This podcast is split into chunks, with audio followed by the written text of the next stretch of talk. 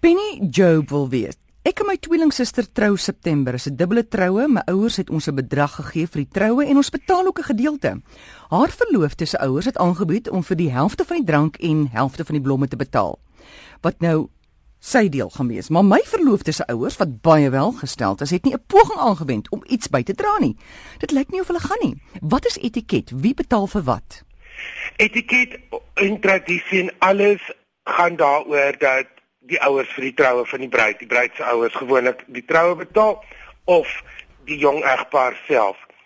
'n Bruidegom en sy familie sal sekere goed as hulle wil aanbied. Kyk, die bruidegom is klaar van krot want hy het vir die ringe betaal.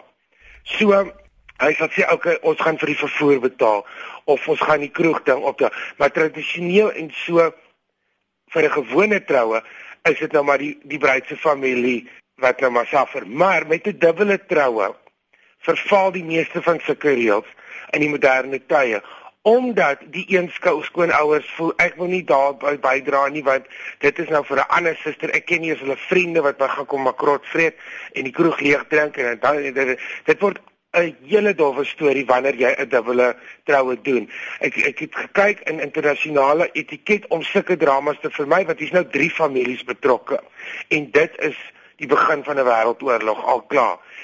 Tradisioneel as wanneer 'n familie besluit, ma en pa en die twee dogters, ons het een troue op een dag, dan is dit hulle verantwoordelikheid om sulke dramas te vermy.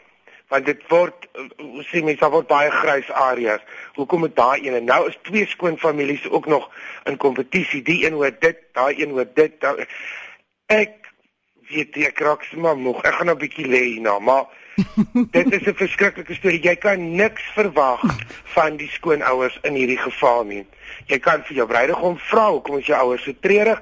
Daar koop hulle vir julle 'n mooi vuurpyl of is daar na 'n fantastiese strandhuis wat 'n verrassing is na die troue of iets, jy weet nie. Maar hulle het geen verpligting om by te dra nie. Ek sal dink dat as jou verloofde agterkom die ander dra almal by en hy doen niks daaraan nie. Is daar maar 'n bietjie treurigheid? Ek sal hom eerder los as om die ouers op te skree. Maar wat die etiket betaal is hier nie regtig gevoed om op te staan nie. Dit is 'n guns en 'n dierbaarheid van iemand as hulle in so 'n hmm. geval wil bydra. Dit is nou maar die ma en die pa wat besluit het ons het 'n tweeling en hulle trou op dieselfde dag se ellende. LZ sê, help Nathaniel. Ek, ek was nou onlangs by 'n ontbyt op 'n wynplaas, 16 mense aan 'n tafel. Een persoon het haar ontbyt glad nie geniet nie en dit met die hele tafel gedeel. Dit het gelei tot 'n ongemaklikheid. Sy het aan die kelner gevra om dit aan die chef oor te dra en voorgestel om haar ouma se resep aan hom te stuur. Wat is die regte manier? Vat mens die kelner aan sodat almal kan hoor of skryf jy 'n brief of kla mens by die bestuurder? Ja, jou mond want jy is besig om die hele dag te vernietig. Sulke mense, dit is ook 'n probleem. Dis soos vrouens wat te hard lag in 'n vertoning. Dis is mense wat gil vir elke sin by 'n troue. Dis mense, dis aandag. Daar's of te min seks in die huwelik of daar's geen liefde mm. vir 'n enkel lopende nie of daar's gewigsprobleme of daar's 'n agterstand of geel tande, maar daar's iewers 'n probleem by so 'n persoon. Wat dan moet aandag op hulle self sit. Dalk het hulle dit een keer gedoen. Dalk het hulle een keer gehoor by 'n partytjie iemand sê, "Weet jy, sy sit mos 'n mens op haar plek en sy het dit skielik aangevat as haar plig in die lewe." Dis treurig. Ek weet nie hoekom so mense aan 'n tafel is nie, want jy weet mos voor die tyd daar's so mense. Ek weet nie wie haar nooi nie. Ek sal my woord vat en op 'n ander plek gaan sit. Die regte etiket is dat jy nie aan die kelner vra nie. Jy vra kan uit die bestuurder sien of jy gaan maak of jy badkamer toe gaan en vra dan vir die bestuurder. Jy gaan nie so oggend ontstig nie. Die verbysee het flapjacks gehad. Ek weet nie wat jy kan doen om 'n flapjack op te voeter. Verstaan? Mm. Sy sê nie van heuning hou nie of die room ek weet nie wat. En jy vat ook nie die kelner aan nie. 'n Kelner dra die kos aan 'n kelner maak nie die kos nie. 'n Kelner het daarmee niks te doen nie. Mm. En jy doen dit ook nie vir ander mense nie. Maar in so 'n situasie is dit dalk 'n boodskap van bo dat jy moet minder eet.